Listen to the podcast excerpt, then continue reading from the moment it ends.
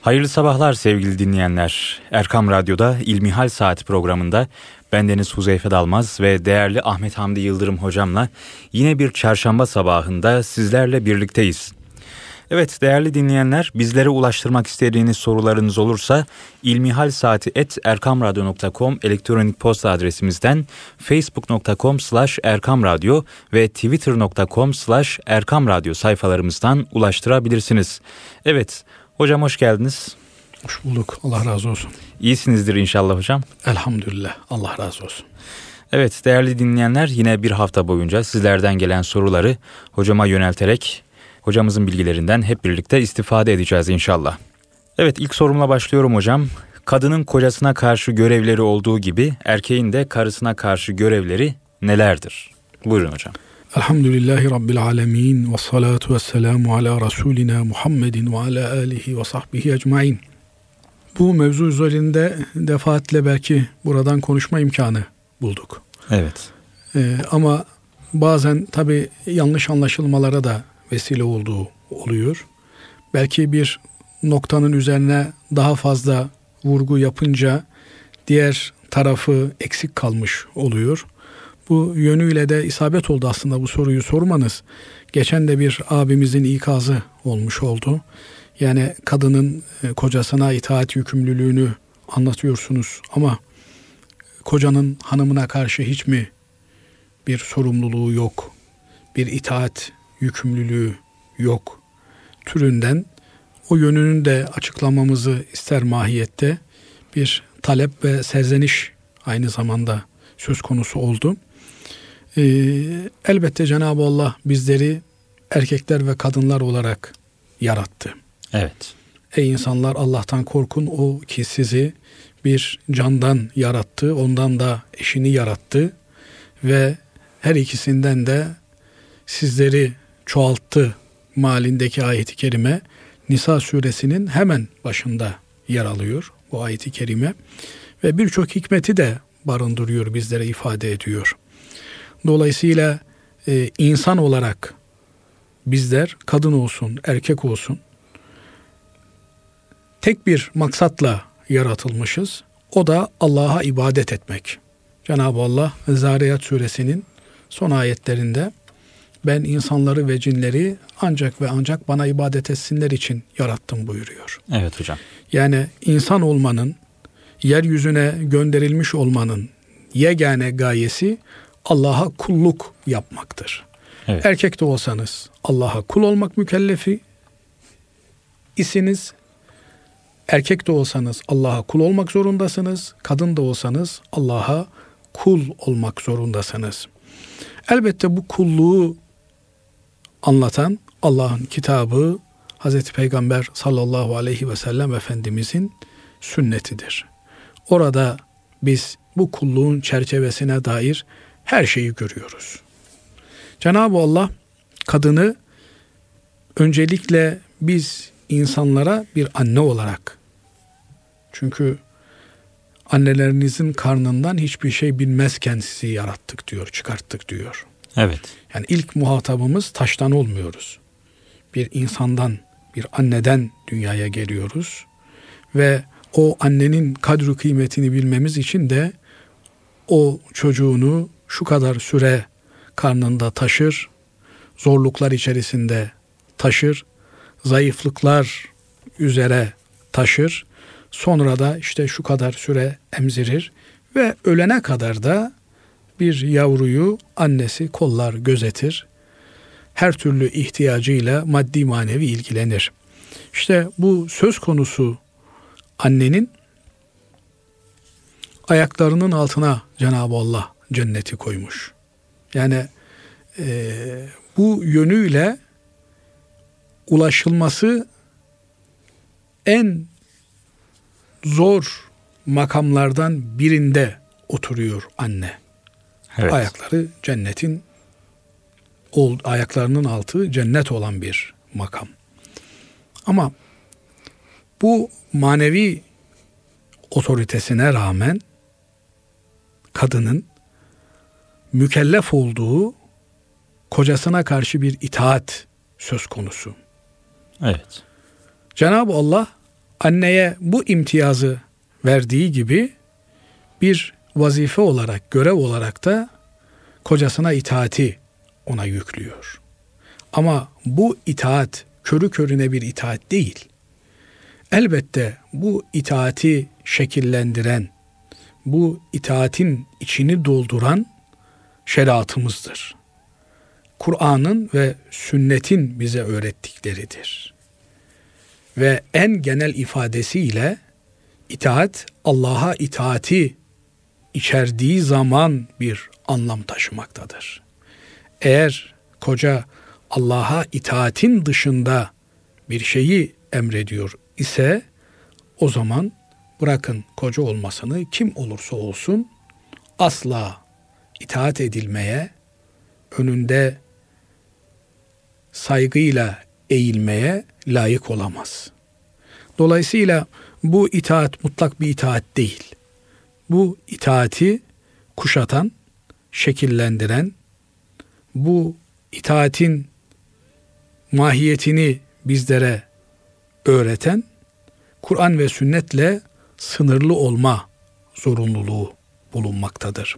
Evet. Bu yönüyle bir kadın kocasının meşru, makbul isteklerini yerine getirmeye gayret eder. Hangi zaman zarfında? Rabbine itaatin dışında kalan zaman zarfında bunu yapar. Peki bunun karşılığında kocanın görevi vazifesi nedir? Koca hanımını taşımakla mükelleftir. Kimseye karşı maddi veya manevi muhtaç hale düşürmemekle mükelleftir. Bu yönüyle her türlü ihtiyacını karşılamak durumundadır. Ve bu ihtiyacını karşılamanın içerisinde manevi ihtiyaçları belki maddi ihtiyaçlarının önünde gelir. Yani tabirimi mazur görün. Bir kadın nasıl bir koca bekliyor, ümit ediyor, hayal ediyor ise bir erkek öyle bir koca olmaya gayret etmeli, çalışmalıdır. Bu da karısına karşı sorumluluğunun bir parçasıdır. Tıpkı kadın içinde bir koca nasıl bir eş bekliyorsa, hayal ediyorsa öyle bir eş olmaya gayret etmek, çalışmak onun hanım olmasının, eş olmasının bir parçası olduğu gibi. Zira ayeti kerime hunne libasun lekum ve entum libasun lehun buyuruyor. Onlar eşleriniz, hanımlarınız sizler için bir libas, bir örtüdür. Sizler de onlar için bir örtüsünüz. Yani o örtünün altında bütün gizliliği paylaştığınız, mahremiyete ortak olduğunuz bir hayatınız var. Dolayısıyla nasıl giysi insanları soğuktan sıcaktan korur, ayıplarını ele güne karşı örterse, evlilik hayatında da her iki eş, koca olsun, hanım olsun, birbirlerini dışarıdan gelecek her türlü tehlikeye karşı korurlar ve dışarının ayıplarını görmelerine mani olurlar. Eğer bu noktada elbise dar geliyorsa, elbise yetersiz geliyorsa orada sıkıntı var demektir. Bu elbisenin her iki eş açısından da yeterli ve istenilen düzeyde olması gerekir. Ama bunu da tekrar bir çerçeveye oturtmamız gerekirse o elbisenin kesimi, efendim dikimi, adabı, usulü şeriat çerçevesinde olmalıdır. Evet. Yani şeriatımızın emrettiği, uygun gördüğü ve bizler için tensip buyurduğu bir tarzda bu hayatı sürdürme mecburiyetimiz vardır.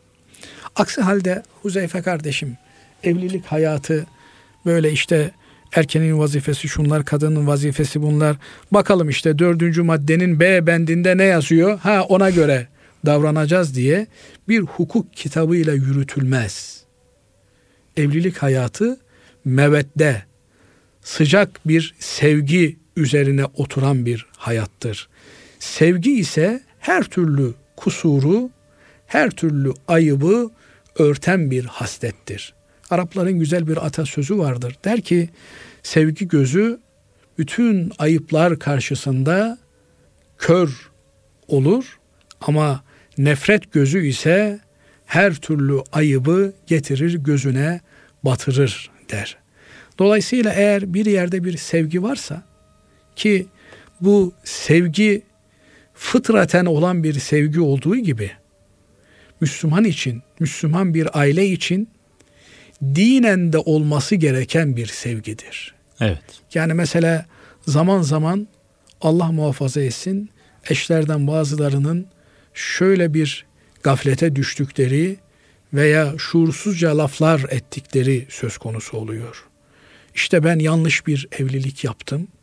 Bu adam bana göre değil, bu hanım bana göre değil.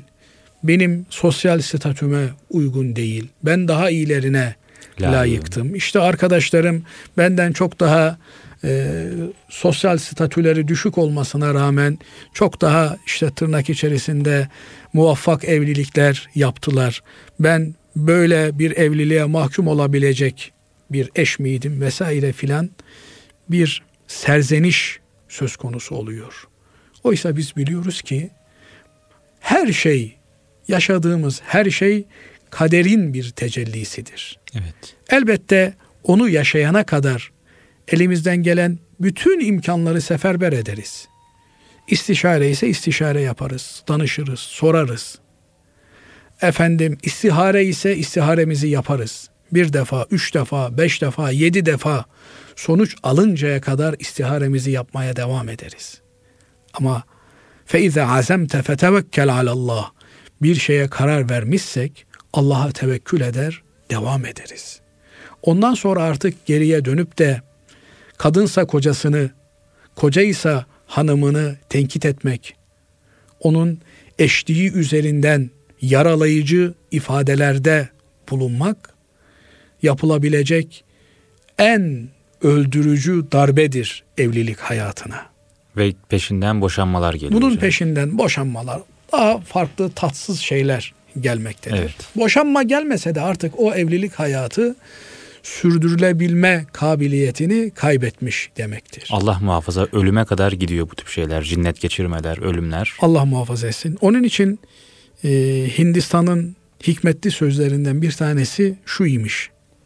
Oradaki kardeşlerimizin ifadesiyle Batılılara derlermiş ki siz sevdiğiniz kadınla evlenirsiniz. Bizlerse evlendiğimiz kadını severiz. severiz. Yani severek evlenirsin ama o sevginin devam etmesi önemlidir. Doğu toplumlarında ise hani tenkit edilen, görücü usulü evlenme denilen biriyle evlenirsin ve ona razı olursun. Onu sevmeyi bir zorunluluk olarak kendine görürsün. Onu sevmeye çalışırsın. Sevmek için elinden geleni yaparsın. Bir de şöyle Zorla, bir şey olur hocam. Evlenmeden evlenmeden önce e, insanlar tanışamaz. Evlendikten sonra tanışırlar. Oysa ki herkes evlenmeden önce e, evleneceği kişiyle tanıştığını sanır ama asıl evlendikten sonra asıl tanışma gerçekleşir değil mi hocam? Evet yani evlenmeden önce yapmacık tavırlar, evet. işte birbirlerine kendilerini beğendirmeye yönelik tiyatral tavırlar ağırlıklı olarak görülür. Evlendikten sonra hakiki anlamda insanların iç yüzleri ortaya çıkar. Nitekim Hazreti Peygamber sallallahu aleyhi ve sellem Efendimiz bu meyandan olmak üzere buyururlar ki sizin en hayırlınız çoluğuna çocuğuna hayırlı olanınızdır. Niye? Çünkü ben bir Ahmet Hamdi olarak dışarıda rol yapabilirim. İnsanlara iyi görünmeye çalışabilirim. Efendim insanlar beni iyi biri olarak bilebilirler. Ama evimde, aile hayatımın içerisinde o rolü yapmak kolay değil. Orada ister istemez herkes fıtratına, aslına rucu etmek durumundadır. Eğer o halde iyi olabiliyorsanız, eşinizi, çoluğunuzu, çocuğunuzu memnun edebiliyorsanız o zaman siz iyi insansınızdır. Yani siz 24 saatiyle aynı karakteri taşıyan bir insan olarak ailenizin içerisinde rol yapma imkanınız yok. Dolayısıyla ailenizin içerisinde eğer hüsnü kabul görüyorsanız o zaman hakikaten en hayırlı olma sıfatına layık olmuş olursunuz. Evet. Bu yönüyle de erkek hanımı için, çoluğu için, çocuğu için en hayırlı olmak durumundadır. Hazreti Peygamber Efendimiz bu ölçüyü koymuştur. Sen en iyisi olmak durumundasın. Dolayısıyla bunun bir e, kitabi ölçüsü yok Huzeyfe kardeşim. Yani işte şunu yapmakla mükelleftir, bunu yapmakla mükelleftir, şunları şunları yapacak böyle bir şey yok. Çünkü her insanın hayır algısı farklıdır. Sen çoluğuna çocuğuna hayırlı olmakla mükellefsin. Aynı şekilde bir eş de kocasına hayırlı olmakla mükellef, itaatle mükellef. Binaenaleyh e, bu ilişkiyi tanzim eden Allah'ın şeriatı olduğu sürece burada bir büyük problem olması mevzu bahis değildir. Elbette ufak tefek problemler olabilir. Bunlar da tatlıya bağlandığında eskisinden daha güzel hale gelir. Öyle bir menkıbe anlatırlar. Kitabi olarak değil de kulaktan duyma nakletmek isterim. Evet, Hazreti hocam. Ömer Efendimiz'e bir kimse hanımını şikayet etmek üzere gelmiş.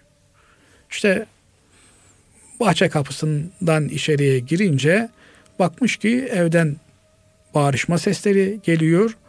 Hazreti Ömer Efendimizin hanımı bağırıyor. İşte koca Hazreti Ömer radıyallahu an müminlerin halifesi, emirül müminin hanımının karşısında susmuş, ses çıkarmıyor. Adamcağız bu manzarayı görünce kendi şikayetini unutmuş, emirül mümininin derdine düşmüş. Eyvah demiş burada durum benimkinden daha acı bir vaziyette. Ben hiç iyisi mi şikayetçi olmayayım demiş. Gerisin geriye dönmeye niyet etmiş. Hazreti Ömer Efendimiz adamcağızı görüp çağırıp sebebini öğrenince ona demiş ki buna demiş şaşılacak bir şey yok. Hanımlarımız, eşlerimiz bize Allah'ın emanetidir. Onların gönüllerini iyi tutmamız gerekir. Yorulmuş, zahmet çekmiş, kalkmış birkaç laf söylemiş diye onları kırmanın, onların üzerinde erkeklik göstermenin bir alemi yok. Dolayısıyla o bak demiş benim yemeğimi yapıyor, çamaşırımı yıkıyor, çocuklarıma bakıyor. Saymış bir sürü şey. Bunun karşılığında iki üç tane lafına benim katlanmam çok büyük bir şey değil demiş. Binaenaleyh e, yaradılanı sevmek yaradandan ötürü, ifadesinin belki de en çok en yoğun olarak tecelli edeceği yer aile müessesesidir, evlerimizdir. Çoluğumuza, çocuğumuza müsamahakar olmayı, onların ufak tefek kusurlarını bize karşı yapılmış olan kusurlarını örtmeye gayret etmeyi sürdürmeliyiz, devam etmeliyiz. Ama eğer Allah'ın dinine karşı bir yanlış söz konusu ise orada müsamaha etme hakkı bize ait değil.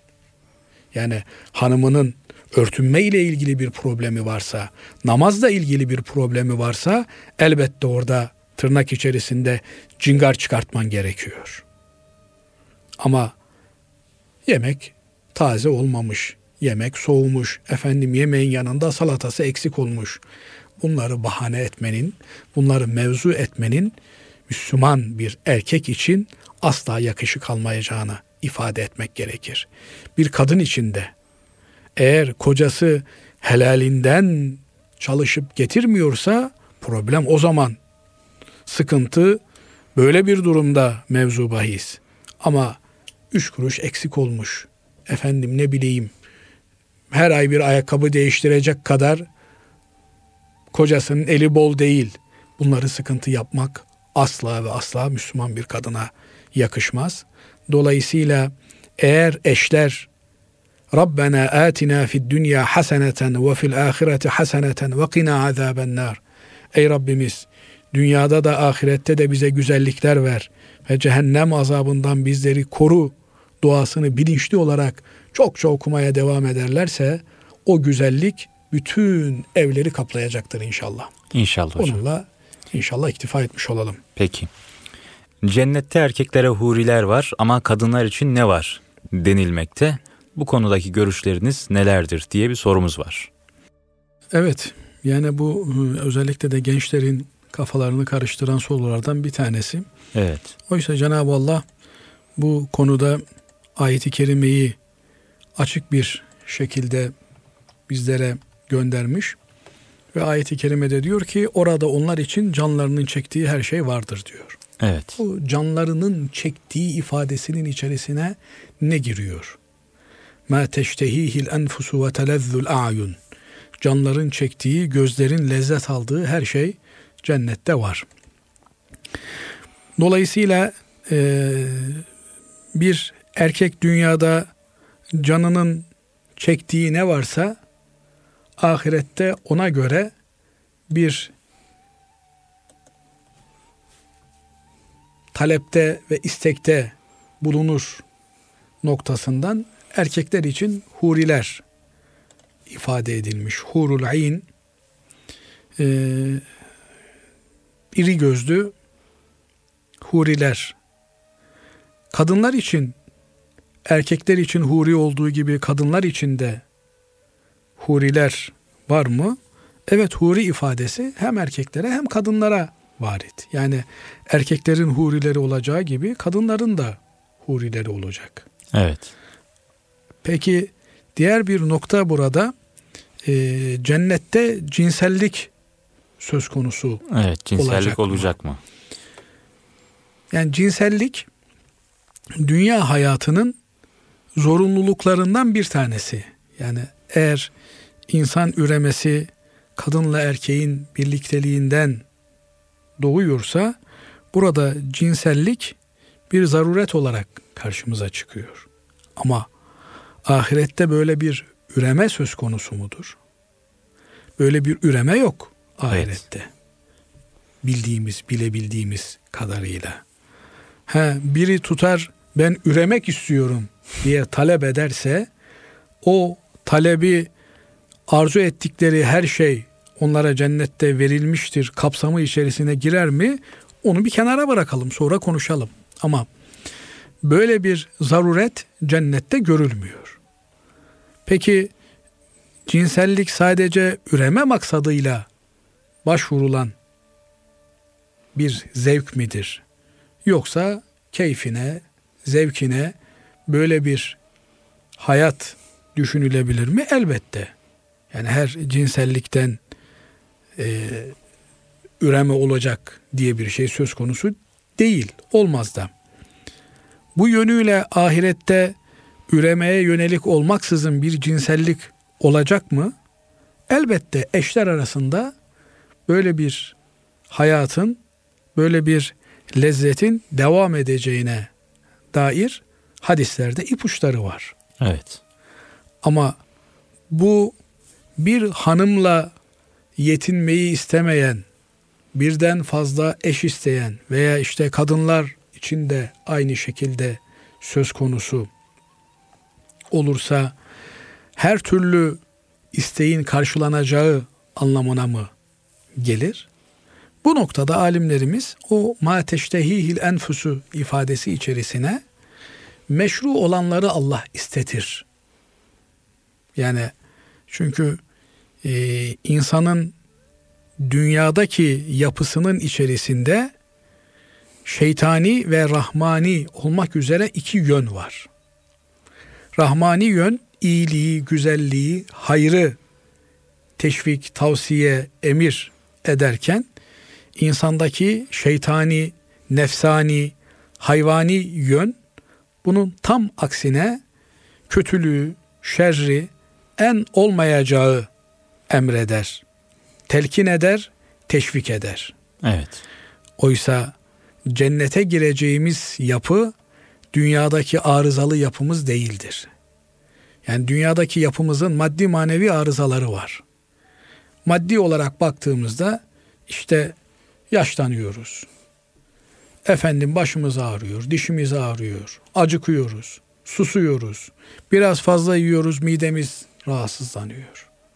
Biraz fazla içiyoruz, abdest yollarında kalıyoruz. Yemesi bir dert, yediklerimizi çıkartmak bir dert. Yani insan olmanın maddevi maddi olarak da dünyada birçok arızası var. Sıkıntısı var. Evet. Yani ne kadar büyük insan olursanız olun, ne kadar kral olursanız olun, padişah olursanız olun, en olmadık ne bileyim yerlere gitmek durumundasınız. Kesinlikle. Binaenaleyh insan olmanın bu tür arızaları var. Bu, Cennete girerken bu arızalar sıyrılıyor. Bu arızalar maddi cihette olduğu gibi manevi cihette de var. Yani şimdi e, şöyle düşünmemiz mümkün Huzeyfe kardeşim. Allah'ın bize verdiği nimetlerle bir ömür boyu mutlu mesut yaşayabiliriz. Huzurlu yaşayabiliriz. Karnımız doymuş, gözümüz doymuş yaşayabiliriz. Ama bir kavgadır bir türlü huzur bulamıyoruz. Bir türlü tatmin olamıyoruz. Bir türlü istenilen o lezzeti yakalayamıyoruz. Böyle tatmin endeksi diye bir çalışma yapmışlar. Efendim yeni bir ev alan bir kimse 3 ay 5 ay o evin mutluluğunu yaşıyor. Yeni bir araba alan 1-2 ay o arabanın mutluluğunu yaşıyor. 1-2 ay sonra sıradanlaşıyor. 5-6 ay sonra o ev de artık sana yetersiz gelmeye başlıyor. Dolayısıyla böyle bir kısır savaşın içerisinde kendi kendimizi kendimizle olan bu savaşta yıpratıyoruz. Evet. Yani bu da manevi arızalarımız. Oysa cennete girdiğimiz yapımızda ne maddi arızalarımız var ne de manevi arızalarımız var. Orada çok farklı bir maddi ve manevi kemalde bulunuyoruz. O kemale layık olan zevkler ve tatminler içerisindeyiz. Binaenaleyh işte Cennette erkeklere huriler var, kadınlara ne var? E, cennette erkeklik ve kadınlık tamamen dünyadakinin bir transferi olarak orada söz konusu. Yoksa erkeklik ve kadınlık üzerine dünyada tereddüt eden ahkam orada geçerli değil. Erkek olmanın işte e, mecburiyetleri, zorunlulukları veya kadın olmanın yükümlülükleri, mecburiyetleri öbür tarafta ahirette geçerli değil. Ama orada da erkek erkek kadın kadın mı? Evet dünyadakinin yansıması olarak aynı şekilde. Ama dünyadaki mükellefiyetleriyle, dünyadaki arızaları ve hastalıklarıyla değil. Binaenaleyh dünyada farklı rollere cinsiyetimiz açısından bürünsek de ahirette Allah nasip müyesser eder cennetiyle cemaliyle bizleri müşerref ederse orada cinsiyetlerimiz üzerinden rollerimiz farklılaşmıyor. Zira oradaki cinsiyet dünyadakinin bir yansıması olarak sadece o. Evet. Onun üzerine işte ne bileyim erkek olmanın kadınlar üzerine getirdiği bir hak var. Çünkü erkek hayatın yükünü yükleniyor. Yok ki öbür tarafta öyle bir yük. Öbür tarafta yük diye bir şey yok. Öbür tarafta görev diye, vazife diye bir şey yok.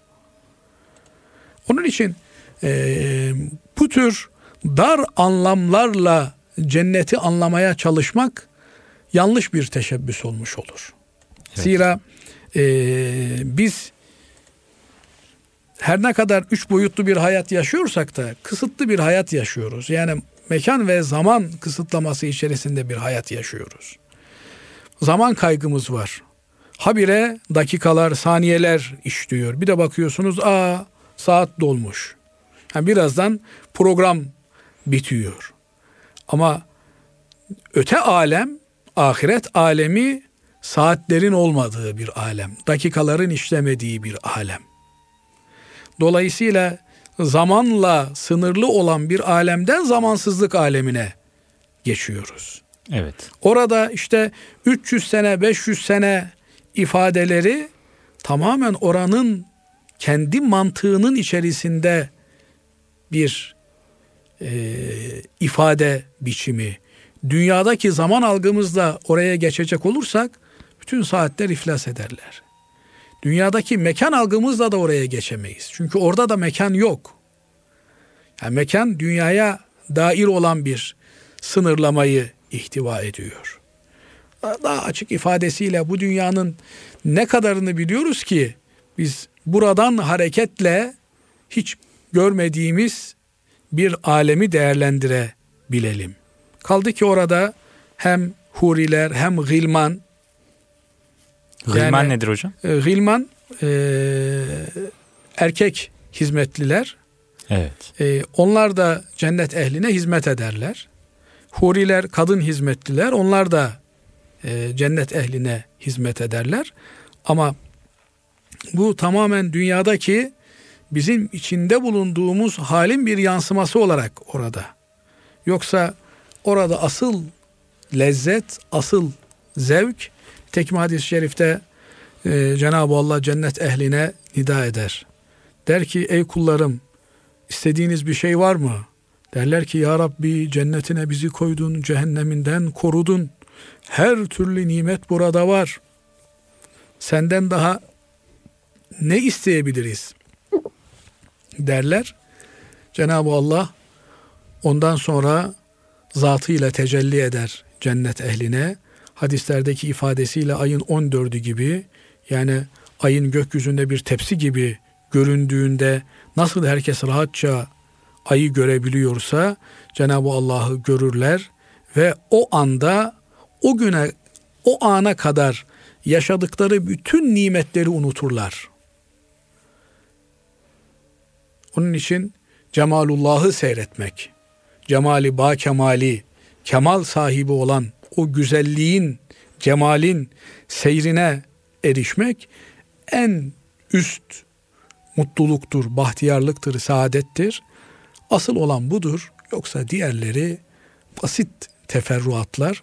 Oralara takılıp kalmak asıl hedefi ve gayeyi kaçırmak olur ki belki bizim üzerimize düşen Allah'ın rızasını yakalamanın endişesi içerisinde olmak lazım. Zira o rızaya sahip olabilmek için bugün tedirgin olmak gerekiyor. Evet. İnna kunna fi ehlina muşfikin diyor cennetlikler. Çoluğumuzun çocuğumuzun arasında şöyle rahat bir ayaklarımızı uzatıp oturamadık. Endişe ediyorduk. Çoluğumuzun çocuğumuzun dini yaşantısıyla ilgili endişe ediyorduk. Kendi yaşantımızla ilgili endişe ediyorduk. Değil mi? Bugünlerde Müslümanlar olarak endişelerimiz daha da arttı. Evet kesinlikle. Yani bir rahavet döneminden biraz daha böyle sıkıntılı, çalkantılı bir döneme Giriyoruz. doğru gidiyoruz. Halbuki burada da bir ikazı ilahi var. Yani Müslüman cennete girene kadar hiçbir zaman kendini rahatta görmeyecek.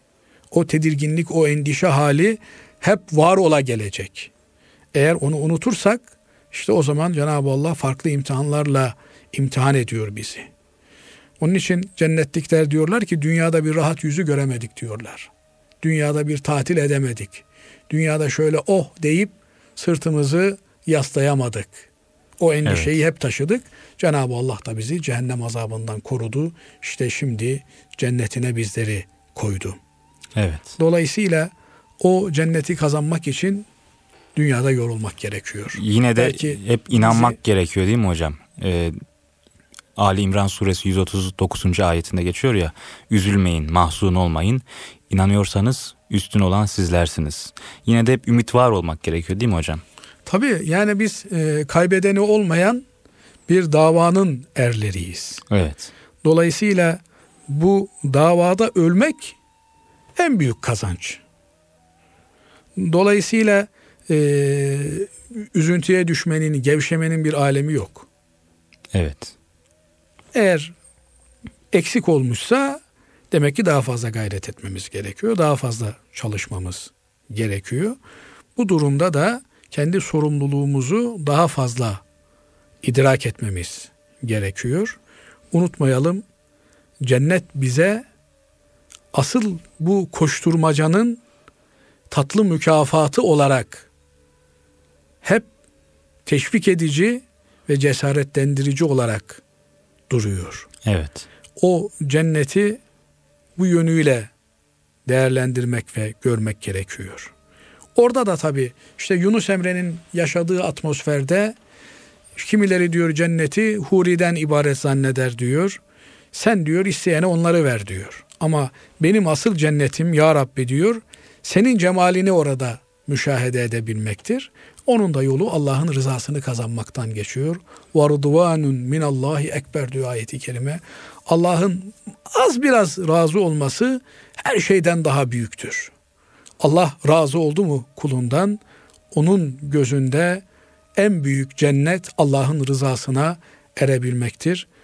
Bu yönüyle de Allah hepinizden razı olsun diyorum. Evet. Yani bazen böyle Allah razı olsun ifadesi böyle gelir geçer bir ifade olarak kullanıyoruz ama yani Allah'ın razı olması demek dünyada karşılığı olmayacak bir mükafat demek. Allah razı olmuş. Allah razı oldu mu akan sular durur. Cenab-ı Allah hepimizden razı olur. Razı olduğu kulları zümresine bizleri ilhak eder diye dua ediyoruz. İnşallah hocam. Evet diğer bir sorumuz hocam. E, açık giyinen kadına bakmaktan dolayı e, kul hakkı olur mu diye bir sorumuz var. Herhalde bu e, yaşadığımız çağın içerisinde dışarıya çıktığımız zaman herhangi bir saçı açık, e, başı açık bayana bakmaktan e, kasıt buradaki soru. Bunu da cevaplandırırsak hocam buyurun. Evet yani kul hakkı olur da hangi kulun kim üzerine hakkı olur? Evet. Ee, Cenab-ı Allah ayeti kerimede Estaizu billah kullil mu'minine yaguddu min absarihim ve yahfazu furucahum diyor. Müminlere söyle gözlerini korusunlar ve namuslarını muhafaza etsinler. Binaenaleyh e, toplumda kasıtlı veya kasıtsız gözlerimizi korumamız gereken bir takım ortamlar her daim söz konusu olacaktır. Evet. Yani mesela bir kadın tamam sokaktayken e, kapanacak ama evinin içerisinde kapanma mecburiyeti yok. Kadıncağız evinin içerisinde rahat bir kıyafetle dolaşırken eğer sen balkondan, oradan, buradan bir şekilde gözetlemek suretiyle o kadını terassut edersen o zaman kul hakkına girmiş olursun. Ve en büyük yasaklardan birini işlemiş olursun. Allah sana gözünü koru diyor. Sen gözünü korumak yerine gözünü milletin mahremine dikmiş olursun ki bu en ağır veballerden, günahlardan bir tanesidir. Hatta Hz. Peygamber sallallahu aleyhi ve sellem Efendimiz böyle camların içerisine direkt bakan bir kimsenin ev sahibi gözünü çıkartsa ona bir vebal yoktur. Malinde bir hadisi şerifi var hatırladığım kadarıyla. Evet. Yani e, gözümüzü korumakla mükellefiz. Eğer bir ortama girdiğimizde orada görülmesi uygun olmayan bir manzarayla karşılaşmamız söz konusu ise ona göre tedbirimizi bizim almamız gerekiyor. Bana ne efendim örtünseydi demek ayeti kerimenin ruhuna aykırı düşer. Çünkü Cenab-ı Allah müminlere söyle gözlerinden sakınmaları gereken şeyleri sakınsınlar diyor. Binaenaleyh elbette kasıtsız olarak rahat bir şekilde evinde, barkında, kadınlar arasında, işinde, gücünde bulunan bir kimseyi gözetlemek, bakmak bir kul hakkı doğurur. Bir başka şey de Huzeyfe kardeşim, kadınlar kendi aralarında bir program yapıyorlar. Artık herkesin elinde bir cep telefonu, bir kamera vesaire var. O ortamı çekiyorlar. Ondan sonra da işte e, kadınların seyretmesi hadi neyse ama e, bazen bilerek bazen bilmeyerek erkeklerin onları seyretmesi bu da bir kul hakkını gasp anlamına geliyor. Evet. Çünkü bizler biliyoruz ki el mecalisu emane. Yani oturma salonlarında konuşulanlar birer emanettir. O konuşulanları aktarmak caiz olmadığı gibi izinsiz. Oturmuşsun iki arkadaşınla sohbet ediyorsun. veya eşinle sohbet ediyorsun, annenle sohbet ediyorsun. Orada bulunanları izinsiz aktarmak caiz olmadığı gibi oranın görüntüsünü izinsiz aktarmak da caiz değildir. Yani evet. şeriatımız bu noktada çok sıkı bizlere tembihatta bulunmaktadır. İkaz etmektedir bizleri. Yani başkasının mektubuna izinsiz bakan cehenneme bakmış gibidir diyor. Ya haram işlemiştir. Başkasının videosuna bakan, resmine bakan haram işlemiştir diyor. Dolayısıyla biz bizim bakmamıza açık olan şeylere bakabiliriz. Ama kapalı olanlara, gizli olanlara veya kişiye özel olanlara bakmamız, onun ardından gitmemiz, onu takip etmemiz doğru olmaz. Fakat bir kadın Allah'ın dinini, Allah'ın yasaklarını hiçe sayarak sokağa şeytanı memnun edecek şekilde çıkmışsa, üstünü başını açarak çıkmışsa o zaman burada onun lehine bir kul hakkı doğmaz. O aksine başkalarını günaha sokmanın kul hakkını üzerinde taşır. Hem kendisi hem de günaha soktuğu kimselerin vebalini üstlenmiş olur ki Cenab-ı Allah böyle olmaktan cehennem ateşi ne malzeme olmaktan bizleri muhafaza eylesin. Amin. Cenab-ı Allah gözlerimizi, kulaklarımızı, elimizi, dilimizi her türlü haramdan korumayı hepimize nasip ve müyesser eylesin. Amin hocam. Evet Allah razı olsun hocam. Çok teşekkür ediyoruz.